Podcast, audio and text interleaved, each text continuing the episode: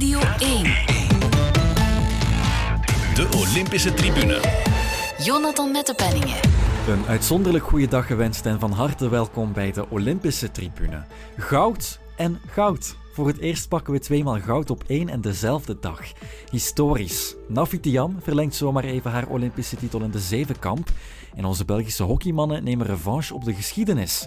En doen wat ze vijf jaar geleden niet konden.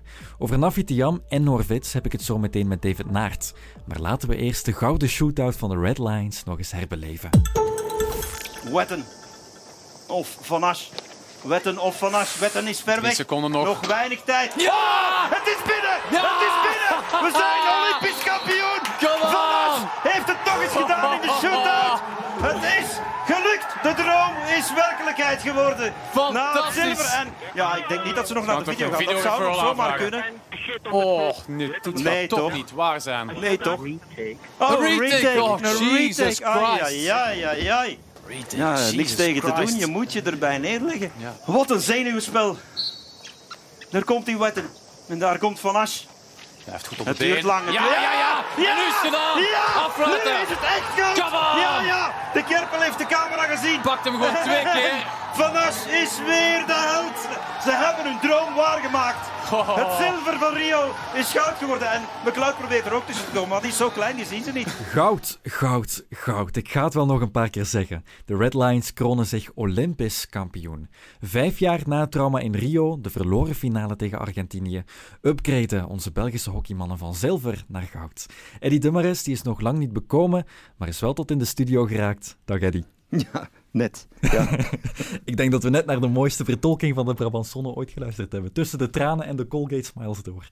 Ja, ja, ja, ja, dat is eh, fantastisch. Hè? En als je dan terugdenkt aan eh, vijf jaar geleden in Rio, hoe ze daar stonden te huilen. Tom Boon, de grote, stoere, sterke Tom Boon. Uh-huh. Met, tranen met tuiten. Eh, omdat het maar zilver was, terwijl het toen eigenlijk al goud had moeten zijn. Mm. En dan nu het contrast met die finale die eh, veel spannender was dan vijf jaar geleden. Zeker, ook al omdat we dat goud hier twee keer hebben moeten winnen. Want wat was dat ook? Eigenlijk, eigenlijk was het een scenario zoals in de WK-finale Ja. 2018 tegen Nederland, hè, waar we dachten het is binnen en dan ook weer die video en nee, we gaan er beginnen. Mhm. Dan moest eh, Van Obel nog eens eh, aan de slag en dan maken we het toch weer af. En het is die ervaring, denk ik ook, die een rol heeft gespeeld vandaag.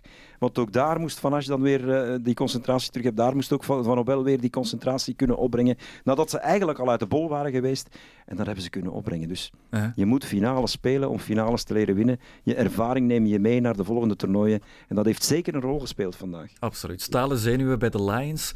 Ehm, maar het moet ons ook weer overkomen. hè. Het was de eerste keer ooit dat er een shootout aan te pas kwam in een Olympische hockeyfinale bij de mannen. Goh, dat heb ik eh, niet allemaal... eh, ik heb al heel veel eh, opzoekingswerk moeten doen. Oh, ik heb de stat ook zien passeren van, van Met, dacht ja, dus. daar zijn dan gespecialiseerde bedrijven voor. Ja. Hè. Hoeveel Olympische finales zijn er al geweest? Een heel pak. Uh, Eh, ja, het zal wel zeker. Dat eh, kan ik niet bevestigen. Maar op EK's, WK's is het zeker al vaak gebeurd in finales. Het af- afgelopen EK ook nog. Hè. Halve finale tegen Nederland, shootout tegen België. Finale Nederland-Duitsland, ook een shootout. Dus ja, het gebeurt vaak. ja. Om het dan te winnen tegen de Australiërs, die nog eens een stadje sinds 2007 19 opeenvolgende finales hadden gewonnen. Dus telkens als ze een finale haalden, wonnen ze die ook. Ja, nu niet. Maar ze hebben weinig finales gespeeld. Hè. Ja, op op wel. WK's wel. 2010, 2014 goud gewonnen. In 2014 zelfs Nederland vernederd in de finale in Den Haag, in Nederland. Waar Nederland 1-0 voorkwam en het nog 7-1 werd voor Australië. Mhm. En dan kwam het debakkel van Rio. Hè, waar ze maar zesde werden. Kwartfinale verloren van Nederland. 4-0, een beetje revanche daar eh, voor Nederland. En ze zijn er altijd wel bij in de halve finales op de Spelen. Maar dat is zoiets bij die Australiërs. De druk op de Spelen is om een of andere reden toch altijd veel groter dan op een WK bijvoorbeeld, waar ze ook altijd meedoen. En vaak, eh, eh, bijna altijd als favoriet beginnen, ook op de Spelen. En toch is het vaak maar brons of maar zilver. En nog maar één keer goud, dat is wel vreemd voor een natie in het hockey, bij de mannen, die al zo lang domineert. Ja. En de laatste twintig jaar, eh, ja, het grootste gedeelte van die twintig jaar op nummer één heeft gestaan. Ook nu stonden ze nog altijd nummer één. Ja. Tijdens het toernooi was het wel voortdurend haasje, Haasje over, over. Met, met de Lions. En nu zullen wij weer de nummer één worden, met toch een beetje meer voorsprong nu. Mhm. Het verschil was vaak maar één of twee punten op die ranking. Ver boven alle anderen. Daaronder een gat van 400 punten of zo. Dat is gigantisch veel. Dan moet je al bijna Europees kampioen worden om dat gat te dichten. Met die top twee, dus Australië en België, En nu zijn wij toch voor even wel de nummer één, hoor. Eindelijk. En terecht. Weet je nog, toen je, on- toen je in onze eerste aflevering nog vreesde dat we misschien te snel te goed waren? Ja, hoewel eh, ik toen ook bij elke wedstrijd heb benadrukt, er zijn ook nog dingen die fout gaan. Ja. Soms aanvallend, soms verdedigend. En dat is goed.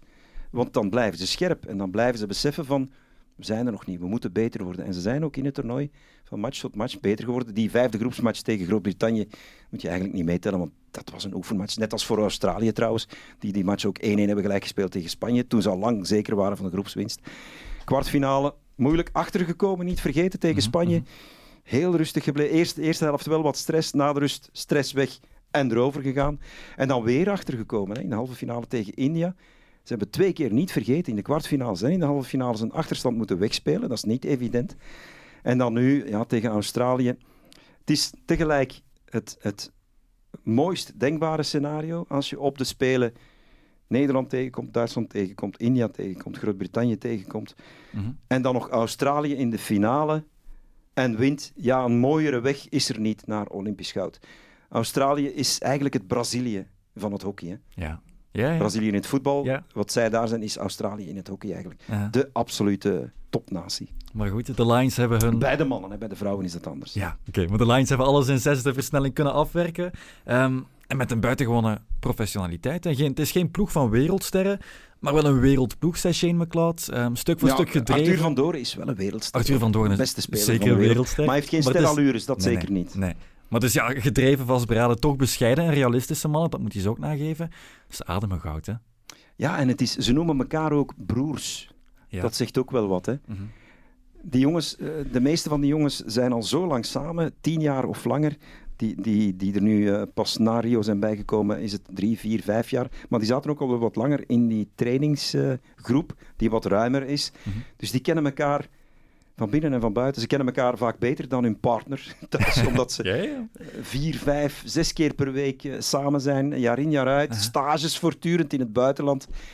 Dus ja, en als de sfeer dan niet goed is, dan kan je nergens komen. Dus Nee. het, is echt, het is echt een vriendengroep. En dat is, ik zeg dat niet omdat het goed klinkt, dat is gewoon zo. Nee, kijk naar de Naaier en Briels, de handshakes die overal Ja, perfect ja. passen. Dus ja, zeker. Nu, de Naaier is al net iets ouder dan Net een aantal, dus eh, hij heeft het nog niet helemaal in de vingers. Maar dat komt wel. Dat gaan ze vannacht wel leren, ongetwijfeld. Waarschijnlijk. Een bron van extra motivatie was ongetwijfeld was die shootout slecht hè, van de Naaier? Daar Wat? gaat hij nog jaren door achtervolgd Dat worden. was niet goed. Goed, het Nee. loopt goed af. En vandaar ook dat er... hij had had het ergens- zijn leven ook moeten Ja, maar overdenken. je had het ergens Maar dan verwacht. kan hij zeggen, ik heb wel Olympisch goud. Ja, dat wel. Maar ik had het ergens verwacht. De, ja, het is niet leuk om te verwachten, maar de kapitein die alles op zich draagt, het gewicht van die hele ploeg, en dan kan dat wel eens gebeuren. Ja, maar het is natuurlijk zo, de naaier draagt niet echt het gewicht van de ploeg. Hè. Het, is, het is echt, zoals ik zeg, het is een vriendengroep. Briels, niet onderschatten, is eigenlijk nog altijd een beetje ook de kapitein. Ja. Zag u hoe ontroerd hij was? Ik ga je al eh, met u aanspreken. ik ben moe, denk ik. Ja. Goed, maar ook Briels eh, vertolkt die rol nog altijd. Ook al was die reserve mentaal zo ongelooflijk moeilijk. Want toen hij toezegde om als reserve mee te gaan naar Tokio, wist hij niet dat het een ander systeem zou zijn. Dat hij elke wedstrijd zou kunnen spelen, eventueel. Dat wist hij niet. Ja, Dus dat is onwaarschijnlijk veel respect voor Thomas Briels. zeker. Dat hij eh, dat heeft gedaan. En hij is ervoor beloond. Hè. Zeven van de acht wedstrijden heeft hij gewoon gespeeld. Met de finale erbij. Ja, maar dus een bron van extra motivatie voor die hele vriendengroep was ongetwijfeld ook het nakende vertrek van bondscoach Shane McLeod. Ja. Een meester in het speechen ook, zoals we weten. Hij Het heeft is een de Lions... psycholoog van opleiding. hè. Ja, heeft de Lions blijkbaar een visualisatie voorgeschoteld van een vol stadion, vol met blije fans die het prachtige spel van de Lions aanbeden. Of ze nu ook weer een traantje hebben weggepinkt bij de speech, dat weten we niet. Ehm, maar de spelers gaan voor McLeod door het vuur. hè. De tranen en de knuffel met, met matchwinnaar Van Asjes, een beeld voor de geschiedenis ook. Ja, en hij ook, je zag hem daar op de bank zitten even, hè, na de wedstrijd nog. Ja, ja, Toen ja. Kwam het beseffen van, ik heb met die jongens alles bereikt. Eerst eh, WK, eh, eerst een Olympische finale eigenlijk. Mhm. Dan WK goud, dan Europees goud, dan Olympisch goud. Dat had zelfs in 20 maanden moeten zijn. Jammer dat die spelen een jaar opgeschoven werden. Anders hadden ze een soort Grand Slam in het hockey. Hè? Wereld, Europees en Olympisch kampioen. Er zit daar een bronzen medaille bij in 21 eh, hier, hè, juni. Niet zo lang geleden op het EK in Amstelveen. Maar eigenlijk moeten we die bronzen medaille vergeten, want dat was een voorbereidingstoernooi. Nooit gebeurd. Voilà. Ehm, is het ook echt the end of an era? Want McLeod zou na zijn sabbatjaar in Nieuw-Zeeland wel terugkeren. ik denk dat dat wel absoluut de bedoeling is. Alleen is de vraag nu natuurlijk een beetje hoe gaat Michel van den Heuvel, hè, die nu assistent was van McLeod, absolute topcoach, ook in Nederland uh, met, in het clubhockey uh, heel veel gewonnen. Het is een absolute autoriteit. Is een aantal jaren assistent geweest nu van McLeod. En hij pakt nu over. Het is de vraag hoe hij hoe zit in dat jaar gaan doen. Wat hij gaat, gaat hij een aantal spelers zeggen van jongens, dankjewel, maar het is goed geweest nu. Er zitten wel wat dertigers bij, ook 3, 34 jaar. Dus die gaan richting. Uh, want daar moet je nu nog naartoe werken, hè, naar de volgende Olympische Spelen. Dat is toch het mm. volgende grote doel. Er zit nog wel een WK tussenin. Maar de Olympische Spelen is het grote doel. Je werkt per Olympiade. En dan heb je daar spelers die op, op, in, in Parijs uh, 36, 37 gaan zijn. Voor veldspelers is dat oud. Van Asch lijkt me geen probleem in doel, dat kan. Voor maar voor die veldspelers, ja. er wordt fysiek zoveel gevraagd dat me dat moeilijk lijkt. Dus uh, ik denk dat er toch drie, vier misschien uh, nu gaan denken van misschien nog een EK meepikken of zo. Ja. En dan stoppen. Aha. Om het met iets te kunnen vergelijken, is het misschien wel handig om de gouden generatie van de Rode Duivels erbij te halen. Want ik heb niet het gevoel dat die gouden generatie in het hockey zo eenmalig is. Nee, nee, er zit uh, ongelooflijk veel structuur achter. De vijver wordt ook altijd maar groter. Hè? Mm. niet vergeten, Hooguit 15 jaar geleden waren er 15.000 hockeyspelers in België, mannen en vrouwen samen. Nu zitten we boven de 50.000. En na dit succes gaan we weer uh, misschien wel Absoluut. in de richting van 55 of 60.000. Dus de vijver wordt steeds groter. De begeleiding is, is absolute wereldtop ondertussen. Dus de talenten blijven komen, daar moet je niet aan twijfelen. Ook achterin is er geen probleem. Mm -hmm. Best wel vrij jonge verdediging. Van Doren is 26, 27? Van Doren 26. Arthur de Slover is zelfs maar 24. Ja. Hendricks gaat, is, is nu, wordt morgen 28. Uh -huh. Dus die gaat ook nog wel mee tot Parijs, sowieso. Bokar is iets ouder, maar dat lijkt me nog wel mogelijk. Dus achterin, ja, Loïc Luipaard, die zit tegen de 30 aan. Dat is misschien een randgeval voor, uh, voor mm -hmm. Parijs. Middenveld, Gouniard, wat gaat hij doen? Domen gaat sowieso stoppen, denk ik. Dat nee, lijkt me toch uh, de bedoeling. Die is wel ook een pluim voor hem, want die leek helemaal afgeschreven. Mm -hmm, mm -hmm. Toen hij uitviel op het WK drie jaar geleden, toen dacht iedereen, hij gaat nooit zijn niveau, niveau nog halen. Maar wat was hij geweldig sterk. Hij was al goed op het EK. En hij was, uh, hij was uh, fantastisch eigenlijk op de Spelen, nu ook in uh, Tokio. Maar in principe is het voor hem dus wel voorbij nu. Ik hoop dat Van Obel doorgaat, die ook wel rond de 30 zit. De Naaier, die al meegaat van Peking 2008, maar ook nog maar rond de 30 zit. Ik dacht 29, dus. 29, 30, ja. ja. Goejaar is... zit net boven de 30, ja. ook een twijfelgeval. Maar er is wel wat jong talent. Hè, Wen je... natuurlijk, Kina op het middenveld, die gaan ja. nog vele jaren Kina speelt een prachtige wedstrijd vandaag. Ja, Kina is technisch een van de meest begaafde spelers ter wereld. Ja. Wen wat een energie. Mm -hmm. Hoe hij die, die, die shootout ook weer neemt. Uh, ja. ja, ja. Dus en hoe hij van alleen voorin, die voorin is het een beetje... Dat zijn bijna allemaal dertigers voorin. Ja. Mm. Dus daar is het een beetje hopen dat Boon... Boon die moet revanche nemen. Hè. Ja. Die heeft zijn, zijn, uh, zijn Olympische Spelen gemist. Die blessure speelt zeker een rol. Hè. Hij kwam in het toernooi met een blessure die hij pas drie weken voor Tokio opliep. Dus daar moeten we zeker rekening mee houden. Zal zeker een rol gespeeld hebben in zijn niet helemaal top zijn in zijn uh, prestaties en zijn recuperatievermogen ook. Dus die uh, wil hopelijk revanche nemen in, uh, in Parijs. Verwacht ik ook wel dat hij gewoon doorgaat.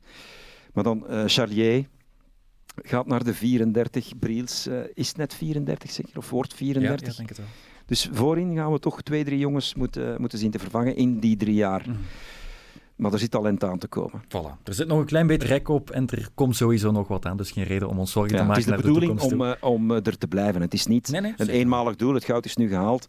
En laat het nu maar zijn. Nee, nee, het is de bedoeling om door te doen en altijd weer mee te doen. Ja, maar de komende weken mogen En bij de vrouwen, dat wil ik toch ook nog even geven, zijn we ook aan het komen. Hoor. Uh -huh. Eindelijk, we staan eindelijk in de Beetje minder in de picture wel, hè? maar Ja, het maar gaat dat komt, dat komt. Die ja. hebben volgende zomer alweer een kans op het WK uh -huh. in uh, Nederland en Spanje. En daar kunnen ze zomaar uh, meedoen tot op het einde. Hoor. Dat kan gewoon. Voilà, dat gaan we hier dan waarschijnlijk ook wel goed volgen, denk ik. Maar dus, uh, de Red Lines winnen goud. Er komt al nog wat aan, dus... Uh, Goed, ja. Heel erg bedankt, Eddie de Maris. Je hebt ze heel uh, nauw gevolgd. En dan zien we jou ook wel terug in Parijs, denk ik. Bij leven en welzijn. Wel, dat, dat, is goed. Dankjewel. Oké, okay, graag gedaan. Radio 1. Sportza. Dan gaan we meteen door naar de zevenkamp in de atletiek. Daar bevinden we ons in dezelfde gouden sferen. En dat hebben we opnieuw te danken aan Nafi Tiam. En hier loopt Tiam naar haar tweede gouden medaille op Olympische Spelen. Norvits naar de finish. Persoonlijk record, dat uh, komt er misschien wel aan. 2.09.05. Het is te weinig, denk ik. Het is te weinig. En uh, Tiam, Tiam is Olympisch kampioene. Ouais, c'est, fou. Je crois que j'ai encore euh, du mal à réaliser. Ça me prend de, du temps. Mais en tout cas, je suis vraiment fier de ce que j'ai fait ici. Tiam wint net zoals in Rio goud in de zevenkamp en wordt daarmee de eerste Belg die twee Olympische gouden medailles na elkaar haalt. En dat is een wereldprestatie. Dat leg ik voor aan David Naert. Voor één keer niet de man die de vragen stelt in de tribune, maar als notoir kenner van de atletiek zit jij even comfortabel aan die andere kant, David. Ja, zo is het. En zeker als ik over uh, atletiek mag praten. En het is zoals je zegt, historisch. Hè? Uh, dus Jean Levu, een, uh, een Belgische gouden medaille, winnares in dit geval, die met succes haar titel kan verdedigen. Toen in Rio hield eigenlijk niemand met haar rekening als het over de titel ging. Mm. En nu was het verschil dat uh, er alleen maar naar Tiam werd gekeken Absoluut. als het over de titel ging. Zeker eens Katrina Johnson-Thompson uitviel dan in de loop van de eerste dag. Al had ik haar nu ook niet echt als de te kloppen vrouw uh, ingeschat. Daarvoor kwam ze van te ver terug mm. na haar uh, Achillespeesblessure. Maar het is heel wat geweest, blijkbaar voor Tiam. Ook als je haar achteraf uh, veel, ja, toch al een uur na de competitie bij Maarten van Gramberen opnieuw in tranen ziet uitbarsten. Steeds, Het zoveelste ja. interview dat ze ja. ondertussen al gegeven heeft, dat ze zegt wat voor een mentale beproeving het geweest is. Ik denk dat wij dat heel moeilijk kunnen inschatten, mm-hmm. wat dat voor haar is geweest. Maar het toont tegelijk aan wat het voor haar betekent. Absoluut. Ze treedt in, uh, in de voetsporen toch ook van Jackie Joyner-Kersee, de enige die zich tweevoudig uh, Olympisch kampioene mocht noemen tot vandaag in de zevenkamp. Uh-huh. In 88 en in 92. Met die bedenking dat de zevenkamp nog maar een Olympische proef is sinds 1984 natuurlijk. Maar dat doet helemaal niks af van... Wat uh, Tiam heeft gepresteerd. Helemaal niet. Het uh... was alleen maar een zeer diepe buiging. Voor. Absoluut. Maar het wordt wel eens gezegd hè, dat we de berensterke prestaties van een bepaalde atleet als vanzelfsprekend gaan beschouwen. Ik heb het gevoel dat dat bij Nafi Tiam meer zo is dan bij wie dan ook. Dat is dan ergens een compliment ook. Maar je zegt het, ze is heel diep moeten gaan en heeft heel wat moeten doorstaan in opbouw naar Tokio. Ja, en ik denk dat dat haar uh, ook op de zenuwen werkt. Mm-hmm. Dat ze daar voortdurend mee wordt geconfronteerd van, ach, Tiam die is goed in het hoogspringen. Daar klaart ze de klus wel. Ze gaat tegen de twee ja. meter springen. En hopla. Tiam zus, Tiam zo. Um, maar ik vind wel dat ze dat goed heeft aangepakt in de aanloop uh, naar deze Olympische Spelen. Ze heeft uh, bewust niet te veel competities gedaan. De grote meetings heeft ze links laten liggen. Ze is het gaan doen in de kleinere meetings met wat gemengde resultaten ook. Mm-hmm. Maar ook eens ze uh, um, op de Olympische Spelen was in Tokio. Uh, verschillende dagen voor de start van de meerkamp één keer met de pers gesproken en voor de rest zich wat afzonderen uh, van al het gedoe. En dat heeft ze prima gedaan. Maar dan zie je die meerkamp beginnen, gisteren, de eerste dag. Mm. En zeker met die, die 200 meter, de vierde proef, waar ze eigenlijk ja, ondermaats presteerde, ondanks de trainingsarbeid die ze heeft geïnvesteerd in de loopnummers. Dan dacht ik ook van, ja, dit gaat toch moeilijk worden. Dit gaat echt moeilijk worden. Omdat ze zelfs niet in de buurt kwam van haar persoonlijke records op de vier proeven. Um, en het hoogspringen, ja, die 1,92, dat was ook al nipt.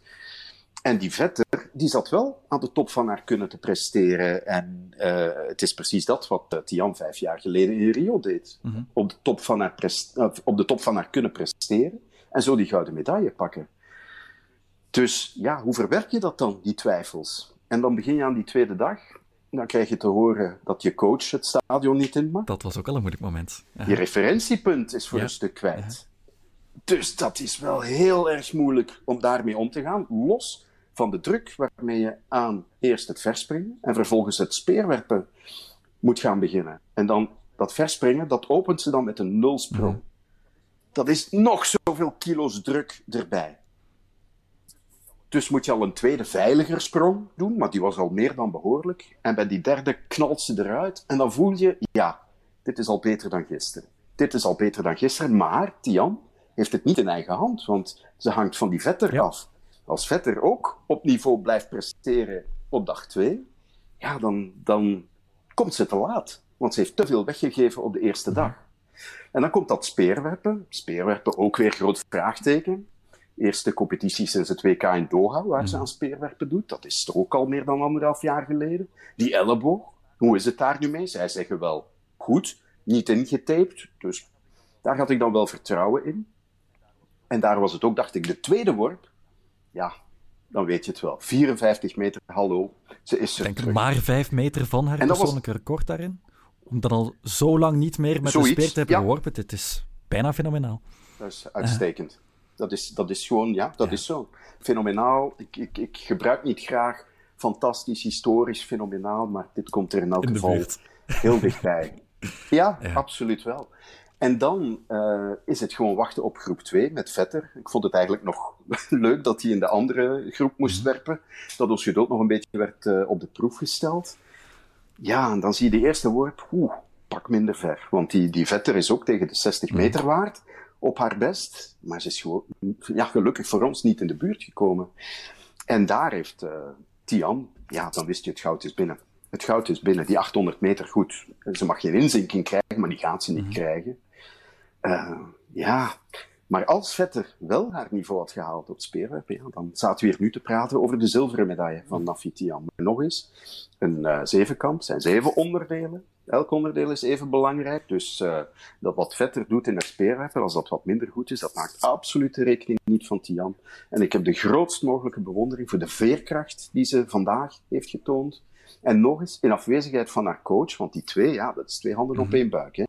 Die gaan al van in haar jonge jaren mee.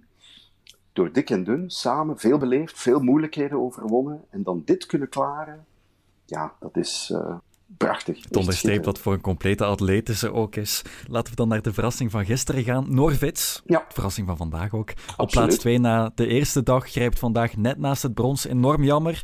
Maar ze heeft Ja. een stevige indruk achtergelaten en ze was ongenaakbaad op de loopnummers.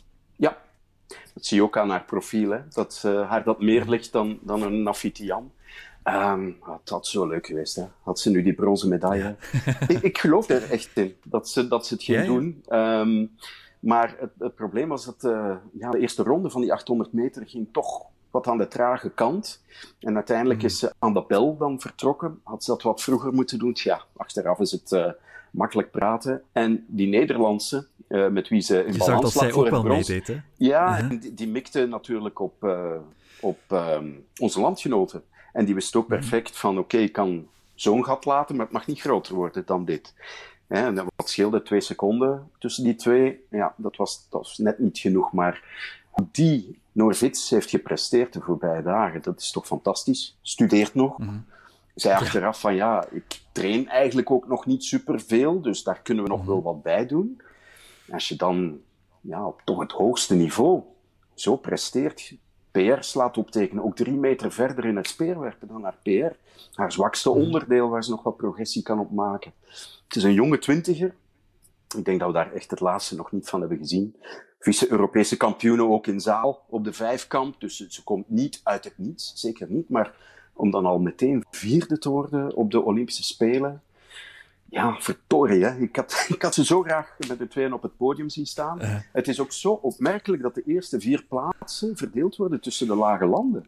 Dat Ja. België, Nederland, Nederland, België in de Olympische meerkamp. Ja, is toch eh, ja, onwaarschijnlijk dat er in de Nederlandse atletiek al lang goed gewerkt wordt. Dat, dat weten we ook al langer dan vandaag natuurlijk. Ook dat komt niet uit het niets. Ik vind het trouwens ook fantastisch wat die Anouk Vetter heeft gepresteerd eh, de voorbije dagen. Want die hield het eh, op het WK in Doha, eh, net voor het laatste nummer, de 800 meter, voor bekeken. Een mentale inzinking, ook mentaal. Ja, ik, ik, ik, ik maak weer de vergelijking met Tian. Eh, die beleefde geen plezier meer aan de atletiek. Nee, het was allemaal van moeten en de fun was weg. En dus die heeft een tijdje een break genomen. Is ook weggegaan naar Papendal, Nederlandse trainingscentrum. Maar kijk hoe die dan terugkomt. Dus als je mentaal toch even gaat herbronnen, weg van de druk, weg van het gezeur ook, ja, dat kan wonderen doen. En er is al wel wat gezegd over het mentaal welzijn van de atleten. Ik denk dat deze Olympische Spelen ons daar eh, veel over leren. En ook wij, journalisten, mm, ja, wij, wij verhogen Winnen aan onbewust dat bewustzijn vaak ook. die druk. Ja, ja, Ja. ja. Mhm. Dus het kan geen kwaad dat we ons daarvan van bewust zijn van wat dat met een atleet doet. Zeker. Maar eh, geweldige meerkamp. Echt super. Ja.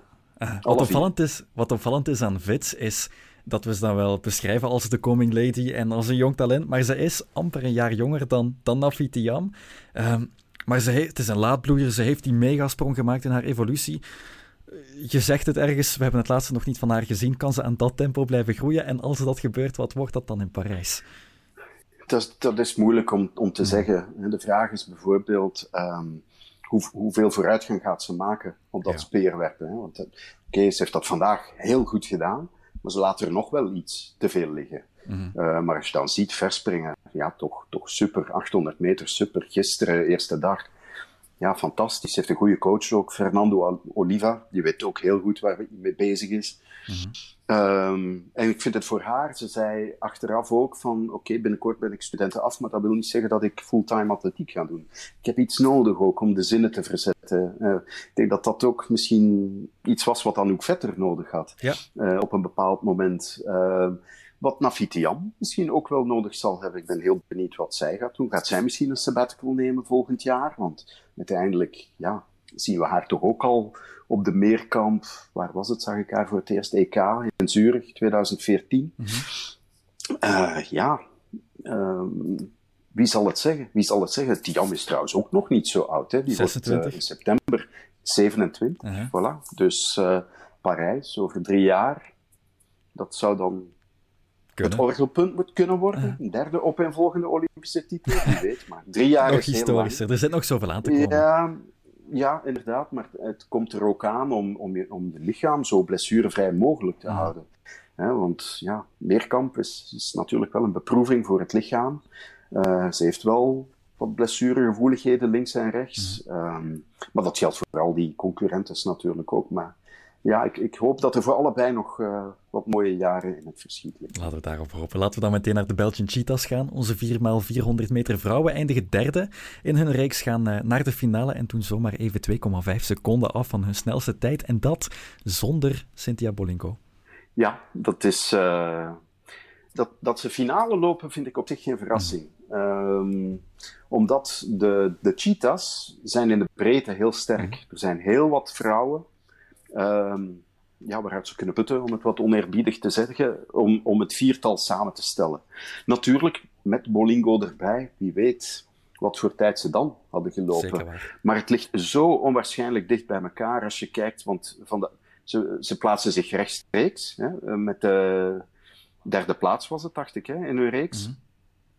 Maar ze hebben wel de traagste tijd van de acht finalisten. Ja. En dan om maar te zeggen hoe relatief -hmm. die traagste tijd is, tussen uh, plaats 4 en 8 scheelt het 900 van een seconde. Zo dicht ligt het bij elkaar. Ja, dat is echt waar. Um, dat is niks. Dat is niks. Dus ik ben heel benieuwd wat ze gaan doen in de finale. Dat was het doel ook voor hen, om die finale te lopen. Dus doelstelling bereikt, druk voor een stuk weg. Uh, ze hebben ook een Pauline Koekuit die in bloedvorm Absoluut. is. Heeft ze getoond op de horde. Hij zo na de finale daar ook bereikt. Dus we zullen zien. Doe mm. maar. Loop maar. En, en, we zien wel waar het schip strandt. Podium, daar moeten we niet aan denken. Lijkt, dat, dat lijkt me echt wel te hoog gegrepen. Met uh, de Verenigde Staten, Jamaica en Polen. Polen toch ook altijd goed op die estafette-nummers. Maar vanaf plaats 4 ligt het uh, helemaal open. Absoluut. Verandert er nog iets met het oog op de finale morgen? Want je zag vandaag wel, Naomi van den Broek had, dat, had het als startloper beetje moeilijk wel. In haar debuut ook op het hoogste niveau, verloor wat tijd. Um, we hebben die breedte, komt Hanne Klaas er nog in. En bijvoorbeeld Imke Vervaat, die heeft al heel wat moeten lopen. Houdt hij het nog uit? Ja, maar een 200 meter is nu wel relatief snel verteerd. In het geval van Imke Vervaat, dus, dus dat zal wel meevallen. Ik weet het niet. Ik kan niet in het hoofd kijken van uh, Karel Bam. We zullen zien hoe ze het aanpakt. Um, maar ik moet zeggen, uh, Vervaat heeft het wel uitstekend gedaan. Uh, de inhaalrace, Koekuit ook, Loos goed vastgehouden. Dus ja, ik weet het niet. We zullen zien. We zitten nu in die enorme medailleroes na, na vandaag, maar een nieuwe medaille overmorgen zit er niet echt in. Je weet nooit, hè. Een stafette, een stokwissel die verkeerd gaat. Liefst niet bij ons dan, maar dat is net het voordeel van de Belgen.